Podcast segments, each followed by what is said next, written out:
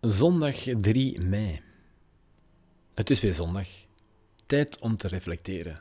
En ook tijd voor de buurman om het gras af te rijden, zoals je op de achtergrond hoort. Vrijdag is uh, Tom Waas gaan winkelen. Op een vrijdag zijn er winkels open, inderdaad. En meneer Waas was boos. En hij heeft dat gepost op Facebook en enkele media zijn hem daar gretig in gevolgd.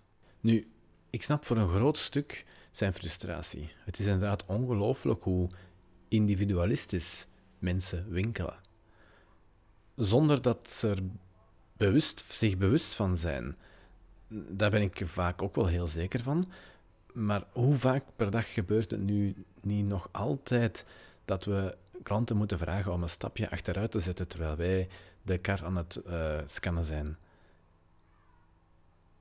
En aan de andere kassa staat dan net iedereen mooi achter dat lijntje en die klant ziet dat dan even niet. En elke keer is het, oh sorry, ja, oh. Ik ben het nog niet gewoon. Het voelt gewoon heel tegennatuurlijk. En dat is ook maar goed. In de Facebook-post beschrijft hij ook hoe mensen met mondmaskers en handschoenen producten aanraken en terugleggen. Hoe ze tot vlak bij u komen. Met mondmasker, kan dat toch? lijken ze te denken. Wel, dat is dus de reden waarom we zo lang zijn weggebleven van mondmaskers. Het geeft een vals gevoel van veiligheid, waardoor mensen blijkbaar de neiging hebben om elkaar, bij wijze van spreken, terug te mogen knuffelen. Want dat mondmasker houdt alles wel tegen. Niet dus. Hij wordt ook boos omdat supermarkten niet strenger toezien op het alleen komen winkelen. Nu, daar ben ik het dan weer niet mee eens met hem. Want ja, ik laat de klanten ook nog steeds per twee winkelen. Zolang er geen verbod is van de regering, zal dat ook zo blijven. Net hetzelfde bij het cash betalen. Liever niet, maar als je niets anders hebt, moeten we het aanvaarden. Op dat vlak was het echt veel toffer geweest als de regeringen duidelijke richtlijnen hadden opgesteld. Want als we ergens zeer goed in zijn, is het in het aftasten van de grenzen. Wat me ook opvalt is dat er heel wat mensen deze periode als een erg toffe periode zien. Een periode van verademing, een periode van stilstaan bij alles en nog wat.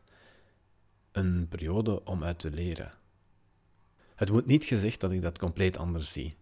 Voor mij was dit de meest stressvolle periode die ik tot nu toe heb mogen meemaken. Met enorm toffe kanten, dat ook wel, maar als je me nu vraagt of ik aan dit tempo wil voortdoen, dan is het antwoord wel heel duidelijk nee. Ik heb er wel veel uit geleerd. Ik heb geleerd dat een mens uh, zeer veerkrachtig is als het moet. Ook dat instinct het vaak wint op ratio. Dat de media een ongelooflijke invloed hebben op instinct en veel minder op ratio. Afgelopen week was het weer enorm druk. We denken dan dat het te maken heeft met uh, dat er vanaf maandag een deel van de bedrijven terug aan de slag gaan. En dat mensen dus nu nog snel inkopen deden, omdat ze volgende week minder tijd gaan hebben om inkopen te doen. Dat kan natuurlijk wel zo zijn, maar dan wordt het volgende week, tegen het einde van de week, weer zo druk. Want de week nadien gaan er weer nog meer firma's open. En de week nadien is er weer een feestdag.